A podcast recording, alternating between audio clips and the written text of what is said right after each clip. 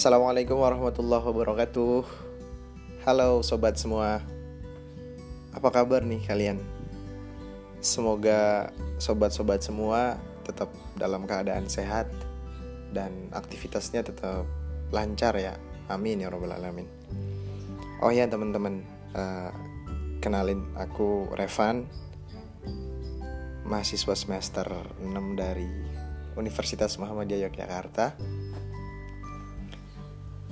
dan di episode perdana ini aku pengen sharing atau ngobrol nih sama temen-temen soal kuliah online.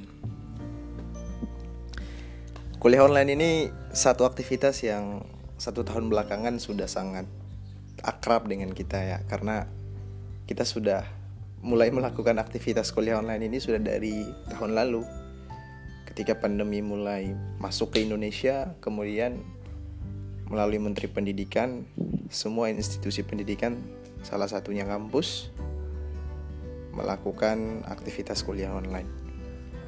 Oh ya teman-teman, gimana nih pandangan teman-teman soal kuliah online?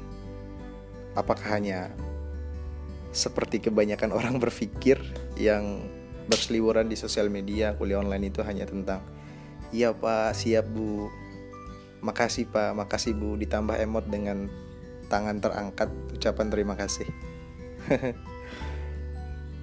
Oke, mungkin kebanyakan dari kita menganggap kuliah online itu proses belajar yang mungkin kurang maksimal gitu karena mungkin vibes kuliahnya kurang terasa, interaksi dengan teman-temannya itu feelnya juga kurang terasa. Meskipun sebenarnya kita tetap interaksi melalui virtual begitu. Uh, teman-teman, ada satu hal sebenarnya yang uh, perlu kita refleksikan setelah satu tahun berada dalam kebiasaan kuliah online di tengah pandemi begitu. Karena mau sampai kapan pun kita mengeluh misalnya bahwa kuliah online yang diberikan itu hanya begitu-begitu saja tidak maksimal. Kalau misalnya proses ini berkepanjangan, ya nggak mungkin dong kita kayak kayak gitu terus kan mengeluh terus atau cara pandang kita terhadap kuliah online dari awal kita melaksanakan sampai satu tahun sekarang masih sama gitu. Jadi di sini aku ingin memberikan satu pandangan yang berbeda sih tentang kuliah online. Jadi tapi sebelum itu gini teman-teman pada dasarnya belajar itu kan uh, proses mandiri sih sebenarnya kalau menurut aku. Jadi tidak ada sangkut pautnya dengan orang lain. Itu benar-benar keinginan kita sendiri, motivasi kita sendiri yang kemudian mungkin dalam prosesnya kita akan melibatkan orang tapi tentang keinginan untuk memulai melakukan itu atas benar-benar inisiasi kita sendiri gitu. Nah, kuliah online ini sebenarnya satu kesempatan buat kita untuk menguji seberapa besar sih sebenarnya niat kita untuk belajar gitu.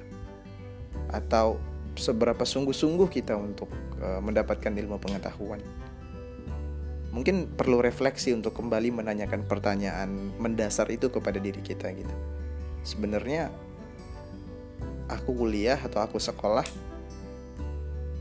itu inginnya apa begitu. Proses belajar ini akan menunjukkan kesungguhan kita atau giroh kita atau seberapa besar keinginan dalam diri kita untuk kemudian mendapatkan ilmu begitu teman-teman. Jadi mari memandang kuliah online ini sebagai satu satu momen untuk di sinilah tempat kita atau wadah kita untuk menunjukkan keseriusan kita dalam proses belajar.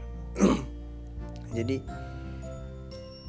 oke okay, teman-teman mungkin masih beberapa yang menganggap sekedar uh, oke okay, terima kasih bu, makasih pak dengan tangan mengangkat uh, emot terima kasih begitu.